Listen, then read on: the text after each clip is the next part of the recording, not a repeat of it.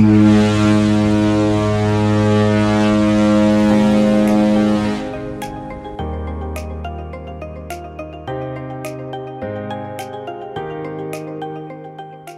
til Esplanaden, brancheavisen Søfarts podcast om søfart og rædderier. Vi skal i dag dykke ned i de maritime aspekter af Ruslands invasion af Ukraine, og det handler vel at mærke både om de militære og civile aspekter af den russiske aggression. Dine to værter er som altid prorektor, virksomhedshistoriker, shipping-ekspert og CBS-lektor Martin Jes Iversen. Velkommen til, Martin. Tak skal du have, Nikolaj. Og tak fordi du stiller op igen. Jeg selv hedder Nikolaj Østergaard og er redaktør for branchemediet Søfart. Og vi har i dag besøg af militæranalytiker ved Forsvarsakademiet Anders Puk Nielsen, der har været så venlig at stille op for at gøre os klogere på et af de aspekter, som ikke har fyldt så meget i den bredere dækning af konflikten, nemlig den maritime krig. Og velkommen til. Tak skal du have. Og Anders, du har for nylig skrevet en kommentar, hvor konklusionen var som følger. Rusland har en flåde, Ukraine har ikke en flåde, og alligevel har Rusland allerede tabt søkrigen mod Ukraine. Hvordan pokker kan et land uden en flåde vinde over flådestormagten Rusland? Jamen, det er, jo, det er jo et godt spørgsmål, fordi det lyder jo lidt paradoxalt umiddelbart, ikke? Øh, men det taler jo ind i, at øh, havet på mange måder er noget andet end landjorden, øh, og at øh, man i virkeligheden kan have forskellige sådan, interesser i, øh, hvad, hvad havet skal bruges til.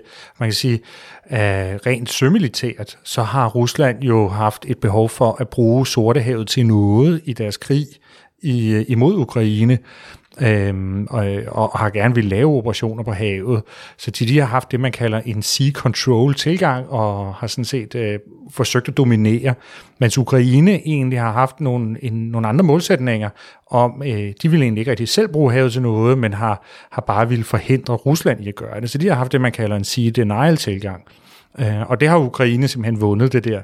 Altså, ukrainerne har formået at spolere det for russerne, så russerne kan ikke opfylde deres mål. Ukrainerne vil egentlig ikke nødvendigvis selv bruge det til noget af havet, øh, men, øh, men, men, men det gør ikke rigtig noget, så at de ikke kan det, altså, fordi øh, øh, de havde netop kun ambitionen om at spolere det for russerne. Så, og det er jo en af de interessante ting, der er ved havet, øh, at øh, ud fra et militært synspunkt, så handler det ikke på samme måde som på landjorden om at øh, sidde på noget bestemt terræn eller sådan noget. Altså på havet, så på mange måder kan man sige, det handler jo om forbindelseslinjer, og hvad man kan bruge det til i forhold til at påvirke situationen ind på landjorden, øh, og ikke så meget om at sidde på selve havet.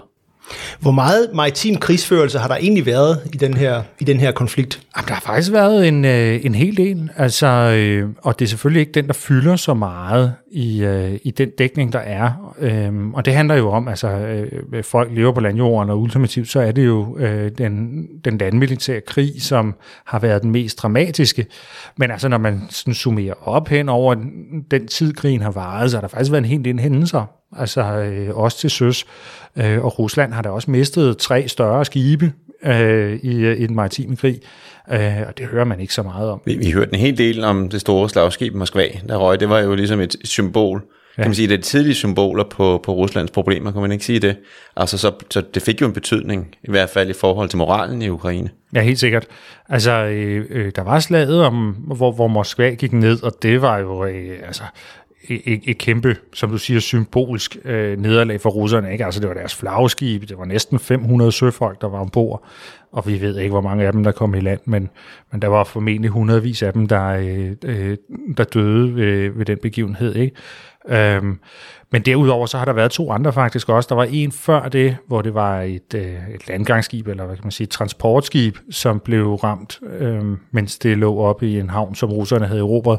Så øh, blev det, det simpelthen sænket, mens det var langs kaj. Øh, og så har der også været et forsyningsskib øh, efter...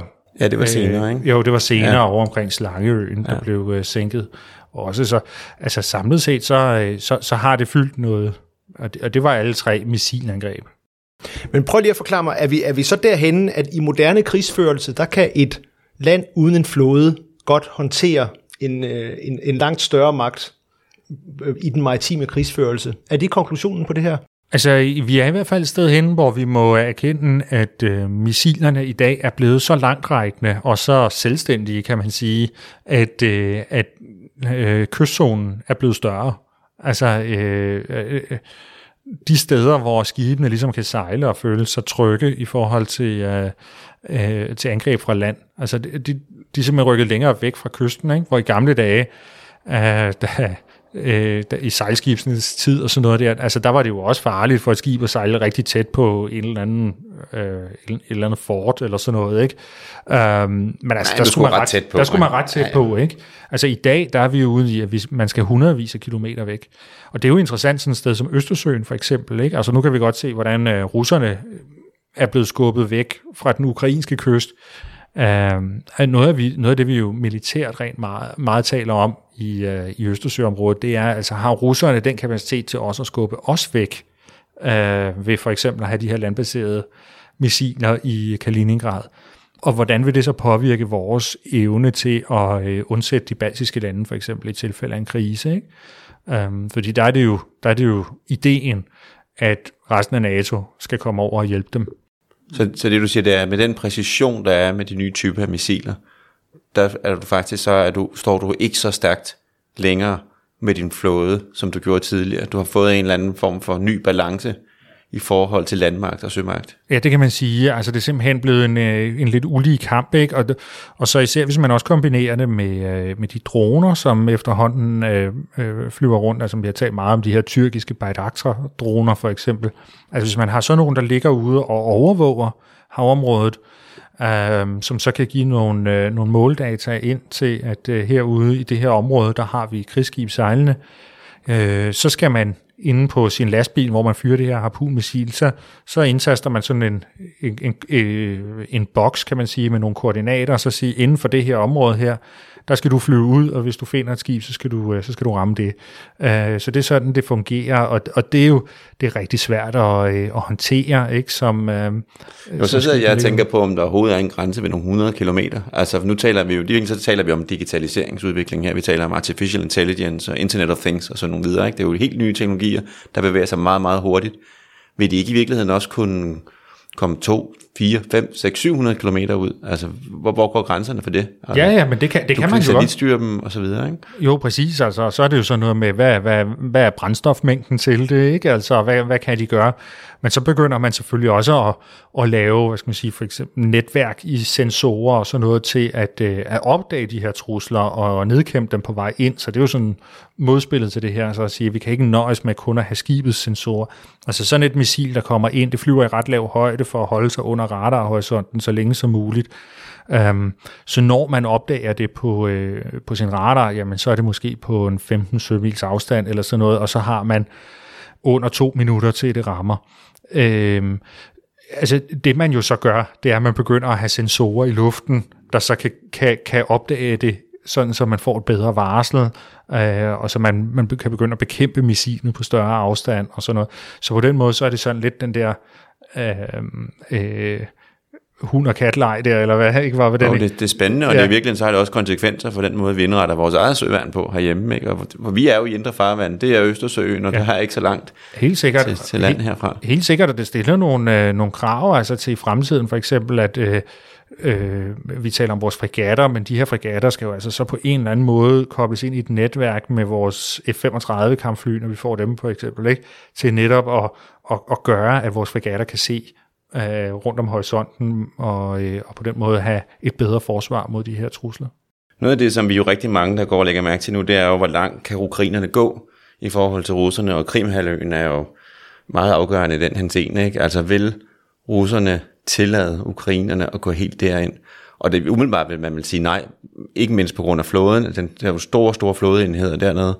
Men det her med, at flåden ikke betyder så meget nu i konflikten, kan det være medvirkende til, at tabet af Krim bliver knap så bitter en pille at sluge, eller med andre ord, før inden denne her udvikling var det vel fuldstændig utænkeligt, at russerne ikke ville sige, det, altså den flåde dernede, den skal vi fastholde, den flådestation er fuldstændig afgørende for os. Jamen altså, det, det er jo rigtigt. Det er der mange, der har spekuleret i, at øh, lige præcis øh, flådestationen i Sevastopol har været afgørende for, hvorfor russerne overhovedet har annekteret Krim, og det er jo så en forklaring ud af mange, fordi man kan også forklare det på alle mulige andre måder.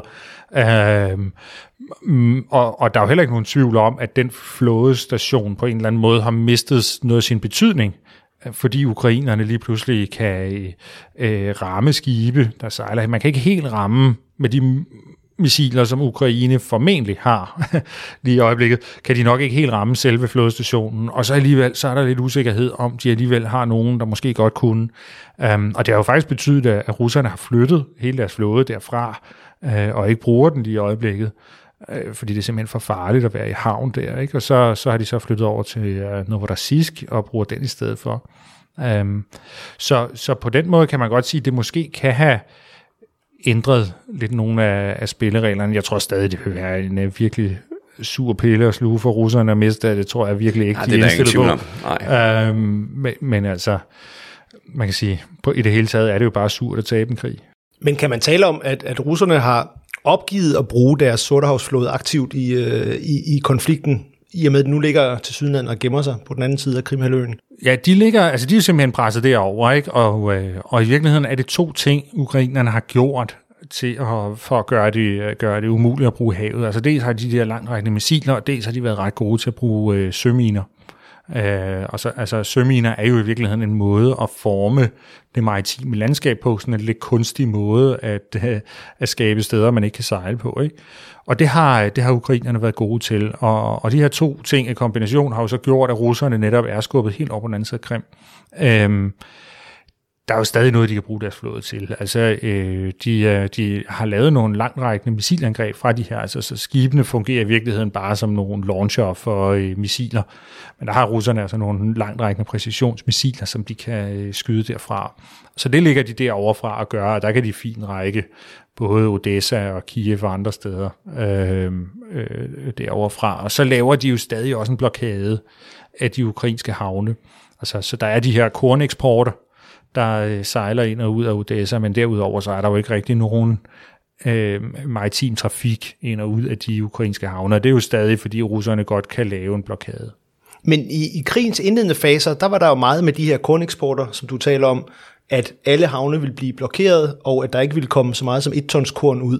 Nu er der så lavet en aftale Betyder det, at russerne ikke rigtig havde mod til at føre den taktik igennem, eller, eller hvordan skal vi fortolke det? Jamen, altså, man kan sige, at i krigens indledende fase, så er det rigtigt. Altså, så, så, øh, så foregik der rigtig mange ting faktisk øh, maritimt ud for Ukraines kyst. Altså, der, der dominerede russerne indtil sænkningen af Moskva, det vil sige sådan lige knap to måneder inde i krigen.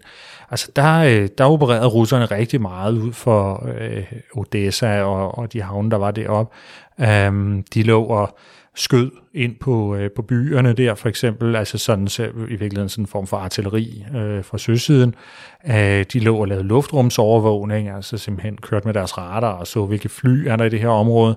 Øh, de var inde og, og lave sådan nogle trusler om at, at, at komme ind med en landsætningsstyrke på strandene og sådan noget, sådan, så det bandt en masse ukrainske soldater til at stå nede på strandene der og øh, være klar til at møde en, en, øh, en russisk styrke, der måtte gå i land og sådan noget. Så der foregik rigtig meget. Um, og så med, specifikt med, med de der korneksporter, øh, uh, der tror jeg, der skete det sådan hen over sommeren, at, at russerne begyndte at, at opleve, at det her det var en tabersag. Ikke? At um, uh, de prisstigninger, der var på korn, særligt i Afrika, begyndte simpelthen at være et problem, og man kunne se, at, at uh, det her det i, i stigende omfang var noget, som de fik skylden for. Jeg tror at dybest set egentlig, de havde det okay med, at der egentlig kom nogle, nogle kriser øh, på, øh, på verdensmarkedet, men, øh, men det var ikke okay, at de fik skylden for det. Altså de havde ikke lyst til at stå tilbage til dem, så, så, som dem, der ligesom øh, havde forårsaget en hungersnød. Øh, og, og russerne har jo i mange år gjort meget for at prøve at opdyrke relationer i øh, eksempelvis afrikanske lande og sådan noget. Så jeg tror simpelthen, man, man oplevede det et behov for, at vi er nødt til at gå med til, at noget af det her korn, det kan komme ud. Øhm, og så tror jeg, man nok havde håbet på, at ukrainerne havde været lidt længere tid om at få lavet nogle sikre, sikre korridorer, som, øh, som der kunne transporteres korn ud af. Altså der skal jo der skulle ryddes nogle miner, og der skulle øh, dokumenteres, at det er sikkert at sejle i de her områder og sådan noget. Og der, der tror jeg måske, at ukrainerne var mere klar, end russerne havde forventet, sådan, så det gik ret hurtigt med, at de første skibe kunne sejle. Så det var mere et politisk pres, end det var et, et militært pres, der Ja, det var, der, det var et politisk det. pres. Altså, fordi de kunne sagtens jo rent militært have øhm, holdt fast i det og, og blevet ved med at blokere. Det var ikke noget problem. Men, men rent, rent politisk, så var det en tabersag. Anders, hvis vi prøver at spole hurtigt to år frem, Hvad er det for nogle scenarier, du ser i Sortehavet? Og nu tænker jeg også sådan på implikationerne i forhold til den civile del af flåden, ikke? altså handelsflåden og de mønstre, som du kan se for dig, forhåbentlig på den anden side af en konflikt i den del af verden. Jamen altså, man kan jo håbe på, altså, håbe på at krigen er slut, øh, kan man sige, og forhåbentlig så er vi færdige med det her med at have sådan aktive blokader, men så vil der jo så i mange år fremover være et problem med, øh, med miner, øh, som, som skal ryddes, altså så der vil være nogle, nogle, formentlig noget med nogle sikre korridorer, som, som skal sikres igen og igen og igen, fordi ting flytter sig på havbunden. Øh, vi har jo også problem med miner, der sådan set flyder rundt øh, og striver op på strandene. Der har været både i Ukraine, i Tyrkiet, i Rumænien og sådan noget, har man haft miner, der driver op på, øh, på strandene.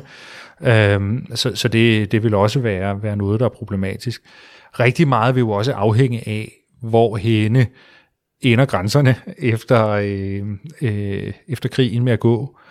Altså, vil Ukraine formå at holde fast i Odessa? Det tror jeg, de vil, men jeg tror bestemt, at russerne godt kunne tænke sig at øh, i virkeligheden tage hele kysten, sådan så Ukraine ikke længere har havne. Uh, det kan også gå den anden vej. Så nu, nu snakker du før om, at det kan være, at ukrainerne de tager Krim. Altså det vil jo også ændre det maritime landskab. Ikke? Um, men altså, det her kan vel ende med, at det bliver russernes mere eller mindre exit fra, fra, fra den dominans, de har haft i Sortehavet tidligere. Ja, og så er det jo en helt anden situation, vi taler om dernede, ikke? og også en anden søfartssituation. Ja, ja helt sikkert. Altså, øh, og, og, og så har vi jo slet ikke talt nu om det Azovske hav, som jo også er en, øh, hvad kan man sige, er i en eller anden underligt limbo lige i øjeblikket, hvor det er lidt ureguleret. Øh, hvad er det egentlig for nogle regler, der overhovedet gælder for transport i det azovske hav? Ikke? Altså, der er jo en eller anden aftale mellem Ukraine og Rusland om, hvordan man regulerer det der, og hvordan de er enige om at gøre det i fællesskab og sådan noget, men altså, den, er jo, den kan jo umuligt sige sig gælde længere, den det her aftale. Ikke? Um, så, så der er mange ting, der på en eller anden måde skal øh, forhandles forfra, um, og, og det, det er uforudsigeligt lige nu. Altså, vi ved slet ikke, hvilken retning det vil tage. Udover at vide, at der er en masse usikkerhed, og det vil blive meget, meget vanskeligt farvand at bevæge sig ind i miner, storpolitiske spændinger osv., ikke? Jo, det kan man sige, men altså omvendt så ved vi jo også, at der også fremover vil være behov for maritim transport i det her område, der vil jo blive, altså lige så snart krigen er slut, vil der jo blive gjort rigtig meget for at få gang i det her igen så hurtigt som muligt, få øh, havnen op at køre, og få det hele til at virke. Øh, fordi alle har jo egentlig en interesse i øh, eksporten, og man kan også sige, at øh, hele den her aftale omkring korneksport, nu nævnte jeg meget det her før med, at man ikke ville have øh, skylden for det, så det var sådan det politiske, men altså der er jo også det i det, at det var jo også en aftale om eksport fra russiske havne for eksempel. Så russerne har også enorme kommercielle interesser i at, øh, at, at, at få handelstrafikken op at køre igen. Hvordan har NATO-landene her under Danmark, hvordan har de ageret i den maritime, i den maritime konflikt i, øh, i, i Sortehavet? Der er jo ikke NATO-flådefartøjer i, øh, i, øh, i, i området. Nej, det er der ikke, og, øh, og, og det er, hænger sammen med, ej, det, der er jo NATO-skibe, fordi vi har jo adskillige NATO-lande, der har en sortehavskyst. Vi har jo øh, Tyrkiet for eksempel, der har en ret stor flåde, og så har vi også Rumænien og Bulgarien, der også er med i NATO. Øh, men altså, øh, det er jo rigtigt nok, at vi har ikke sejlet ind med en, en større styrke, og øh, jeg tror egentlig, der er to forklaringer på det. Den første, det er sådan den, øh, den, den juridiske, som øh, handler om øh, øh de tyrkiske stræder og regulering af det, og der er noget, der hedder Montreux-konventionen, som sætter en masse regler for, hvordan lande, der ikke har en sortehavskyst, egentlig må være til stede i Sortehavet. Der er en masse begrænsninger på det, så vi kan ikke bare sejle ind med en stor flåde og, øh, øh, og begynde at blande os. Øhm, og så er der også det, at Tyrkiet har sendt nogle ret tydelige signaler til de andre NATO-lande om, at de, øh, de, de godt kunne tænke sig, at vi øh, lå værd med det. Øh, så, øh, og, og det har man så øh, efterkommet det ønske, kan man sige. Så, så der, hvor NATO ligger, øh, og især US Navy, jo, det er ude i Middelhavet, hvor man så til gengæld har et par hangarskibsgrupper, som ligger klar til med meget kort varsel at sende fly ind over området. Så, så det er jo ikke sådan, at man ikke er til stede. Man, man har bestemt noget, der godt kan, øh, øh, kan levere noget militær styrke ret hurtigt. Og hvordan har Danmark hjulpet? Vi har sendt udstyr afsted, ikke sandt? Jo, vi har så sendt udstyr afsted, og en af de ting, vi ved, at der er sendt afsted, det er jo harpunmissiler. Så nogle af de her missiler, som ukrainerne øh, kører rundt med inde på, øh, på kysten på nogle lastbiler, det er jo så danske missiler, og det er der så nogle andre lande, der også har. Så, så det er danske missiler sammen med britiske, amerikanske, jeg tror også, det var hollandske missiler, hvis der sådan er, er blevet sendt ned til at løse noget af den opgave. Hvilke læresætninger tror du netop, man gør sig i, i, i søværnets top øh, på baggrund af det, vi har set de sidste par måneder? Altså, jeg, jeg tror helt sikkert, at man sidder og kigger på, øh, på nogle af de her udfordringer, altså, øh, og siger, hvordan vi i virkeligheden, så den, det spørgsmål, vi skal stille os selv, det, det er jo, vil vi have været i stand til at gøre det her bedre end russerne? Hvordan ville vi have håndteret den her opgave, øh, sådan så vi ikke var blevet presset væk, bare fordi Ukraine havde øh, de her missiler, ikke?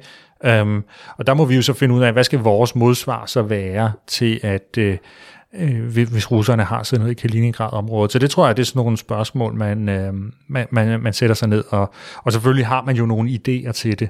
Øh, selvfølgelig har man nogle, nogle planer, jeg taler noget her om, hvordan øh, sensorer i netværk skal fungere. Meget af det vil jo også handle om, at vi skal have evnen til at kunne ramme de her missiler, mens de stadig står på lastbilen, inden de bliver skudt afsted. Um, og sådan noget. Altså, så der er mange sådan ting, man kan gøre, men, jeg tror, det er sådan nogle ting, man tænker over. Er der ikke også den omvendte læresætning? Altså, hvordan kan vi sikre os imod en stærk flådemagt, hvis, altså, når man står i en forsvarsposition? Netop lære hvad Ukraine, fra ukrainerne i den her situation. Jo, men det er bare ikke det, der er opgaven i Østersøen. Altså i Østersøen, der vil det være os, der er i russernes øh, situation, fordi vi skal ind og bruge havet til noget. Det er os, der skal komme de baltiske lande øh, til undsætning. De militære scenarier, vi, dag, vi taler om der, det er som regel, at øh, Rusland invaderer de baltiske lande, og, øh, øh, og måske tager dem ind under sig, eller annekterer dem, eller hvad de gør. Øh, Øh, og, og, og der vil udfordringen netop være, at vi vil gerne bruge havet til noget. Russerne har sådan set, de, sådan set, de skal ikke bruge havet til noget. Øh, de vil bare gerne lave sea denial over for os. Så, så det er derfor, at vi, øh, vi er nødt til at vente på hovedet, når vi tænker det om i et, i et Østersø-scenarie. Altså, der er ikke så meget vundet ved, at vi har sådan nogle midler til at kunne holde russerne væk fra Danmark, for eksempel, fordi det er ikke rigtig den trussel, vi taler om. Nu tænker jeg tit, altså ser det ud fra sådan fra perspektiv, så er noget af det, som jo står for, det er jo pirater, og det er andre former for trusler, der nu er rundt omkring i verden. Er der noget, vi kan tage med i den henseende? Nu tænker jeg også på, altså det, man kan bruge nye digitale virkemidler, nye, man kan bruge nye metoder til at, at overvåge havet, sikre havet. Det her med, at der kan altså en, en fremmed, øh, fjendtlig sømagt, der pludselig kan ind, dem der har du nogle andre redskaber nu, end du havde tidligere måske. Altså i virkeligheden på mange måder, så sådan noget som piratoperationer øh, er jo egentlig mere komplekse. Øh, fordi øh, det kan være meget, meget sværere at, at gennemskue, hvad der foregår. Og man kan ikke på den måde bare skyde på alt, hvad der må være i et bestemt havområde, eller se fra en drone, øh, hvad den og den båd nu er ude på. Altså, øh, og, og så er der også en, øh, en masse juridiske komplekser, der bliver lagt ned over den form for, for politioperationer. Øhm, så, så altså det, det, det er en type af operationer, som er kompleks på en anden måde. Øh, og det er jo også noget, som vores flåde selvfølgelig skal kunne. Øhm, øh, men det, altså, og selvfølgelig kan vi bruge nogle af de der sensorer til det, men det er ikke på den måde, at man kan sige, at der er nogle nemme løsninger ved det. Fordi uh, fortolkningen af billedet kan virkelig være svært, når vi har uh, med, med piratjagt at gøre, for eksempel. Ja, det er dybt komplekst med piraterne, og det ja. er også fordi, det er så sporadisk og spredt og så videre. Ikke? Præcis. Men noget af det, jeg, jeg, jeg vil sige, det er, at jeg tror, vi... Øh, og nu, er, nu, er jeg, nu har jeg en fortid i søværnet og sådan noget, så det jeg skal selvfølgelig argumentere for, at vi har brug for, øh, for flere skibe. Ikke? Øh, men jeg tror, vi kommer til at skulle forholde os til, at de her opgaver, øh, de militære opgaver, kommer til at fylde mere. Og vi kunne se et eller andet sted, at politikerne var, var tvunget til at prioritere imellem øh, piratjagt i øh, Guinea-bugten og øh, afskrækkelse i Østersøen, så valgte de altså at trække fregatten hjem. Og på en eller anden måde er vi nødt til at finde ud af, hvordan, øh, hvordan vi får indrettet os øh, i fremtiden, sådan så at det danske søvand stadig også er i stand til at løse øh, de der opgaver med piratoperationer. Anders, hvis vi lige skal runde øh, situationen i, i Sortehavet af, så et, et, et af spørgsmålene, jeg brænder ind med, det er, at når vi taler missiler, kunne, hvis Ukraine blev forsynet med, med de rigtige missiler, ville de så kunne sidde og sætte hele Ruslands sortehavsflåde ud af, af spillet, uanset om den gemte sig på den anden side af, af, af Krim-halvøen? Vil det være en mulighed? Altså teknisk set kunne man jo godt øh, øh, give dem nogle missiler, der var øh, tilpas langtrækkende. Problemet er jo lidt, at man skal også gerne vide, hvad man skyder på. Øhm, og om på den anden side af Krim, der er der jo altså også en del civiltrafik, så det vil være enormt svært, det der med at, at skyde på dem deromme. Der er den lidt nemmere op i det område imellem sådan, øh, den ukrainske kyst og, og, og Krim, fordi der er faktisk ikke nogen civil trafik lige i øjeblikket. Altså, det, den har russerne jo lukket for, kan man sige, og det, det gør så opgaven ret nem for ukrainerne på den måde, i forhold til at finde ud af, hvad, hvad er egentlig et legitimt mål, og hvad er ikke. Og så lige til, til allersidst, hvad, hvad har været de største overraskelser for dig i, øh, i, i de militære, eller de maritime aspekter af den her konflikt? Jamen, vi er jo nødt til et eller andet sted så at sige, at øh, øh det, det var en overraskelse jo, at Moskva kunne synke øh, og at de ikke var i stand til at forsvare sig imod øh, de til, øh, efter hvad vi har fået at vide, to øh, missiler, formentlig den, den, den type, der hedder Neptun, øh, som er en relativt sådan standard type missil. Ikke? Altså Moskva var en dedikeret luftforsvarskrydser. Øh, de burde altså kunne have håndteret et, øh, øh et meget, meget større antal af missiler, men de havde altså til synligheden hverken formået at øhm, og, og, og opdage eller altså engagere de her missiler, og de har sådan set heller ikke formået rigtigt at håndtere øh, de brænde, der er opstået ombord i skibet efterfølgende, og så på en eller anden måde, så synker øh, det her skib. Altså, der, der, der er blevet stillet nogle spørgsmålstegn omkring øh, professionalismen øh, altså både, kan man sige, det russiske forsvar helt generelt, når vi ser på, hvordan krigen er gået, men jeg synes også i forhold til deres, øh, til deres flåde, når man kigger på, på, på sådan noget som det der. Martin, har du noget, du lige vil skyde af, inden øh, vi slutter? Det, jeg sidder og tænker, det resonerer fuldstændig med de andre ting, der er foregået i den krig. Altså, det, det er åbenbart til vands, som det er til lands med, med russernes man kan, evner, man kan godt få den, manglende øh, evner i de her det situationer. Det i hvert fald, ja. ja, ja. Jeg har lige det aller, aller, aller sidste spørgsmål. Det er omkring Østersøen, som jo, hvor, hvor vi nu har fået NATO kredsen udvidet med, med Sverige og Finland. Hvilke implikationer har det for, for, for, for det sømilitære i Østersøen, som jo nu er et NATO-indhav? Ja, det kan man sige. Det bliver det i hvert fald, øh, når det bliver forhåbentlig ratificeret, og de bliver fuldgyldige medlemmer. Øh, altså, øh, umiddelbart så, så synes jeg, det har en positiv effekt for sikkerhedssituationen i Østersøen. Der er ikke rigtig noget at være i tvivl om. Øh, det, det er fuldstændig klart, hvor alle, øh, alle lande hører til. Øh, der vil formentlig blive sådan lidt mere positionering i forhold til hinanden. NATO vil holde nogle flådeøvelser, og russerne vil holde nogle flådeøvelser og sådan noget, sådan, så man, man viser sig lidt frem.